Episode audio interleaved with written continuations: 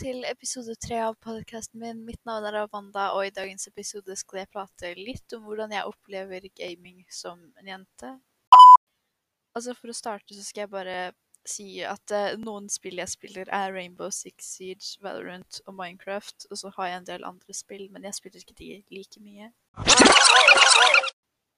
Jeg har ikke skrevet manus til denne episoden, så den kommer til å bli litt på sparket. Så jeg bare finner på ting å snakke om imens jeg prater. Jeg har liksom ikke helt funnet noe å snakke om, siden det er jo veldig forskjellig fra folk. Men det er veldig mange som er veldig frekke mot jenter som spiller, fordi jenta spiller. Og det er det jeg ikke helt skjønner meg på, fordi det er sånn Ja, kanskje i starten, når PC-spillet som kom ut, så var det ment for gutter. Men det er jo flere og flere jenter som begynner å spille. Og det er ikke noe koselig å komme inn i et spill, og så er det sånn Å, æsj, du er kvinne, gå på kjøkkenet og lag meg mat. Det er stuck i 19, nei 18 et eller annet. Det er helt forferdelig.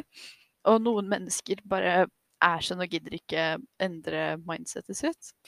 Og det er veldig ille fra nye folk, nye jenter som da kommer til spillet og er sånn Er det sånn her dere har det hver dag?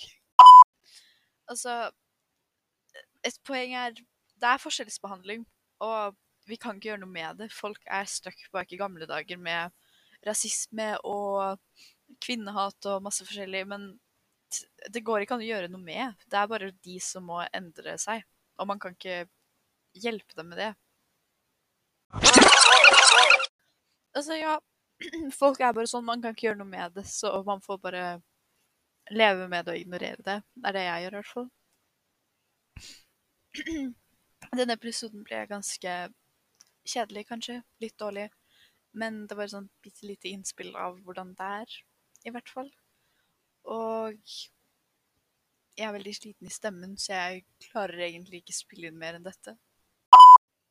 Kanskje ikke den beste episoden, hvem vet. Men uansett, takk for meg!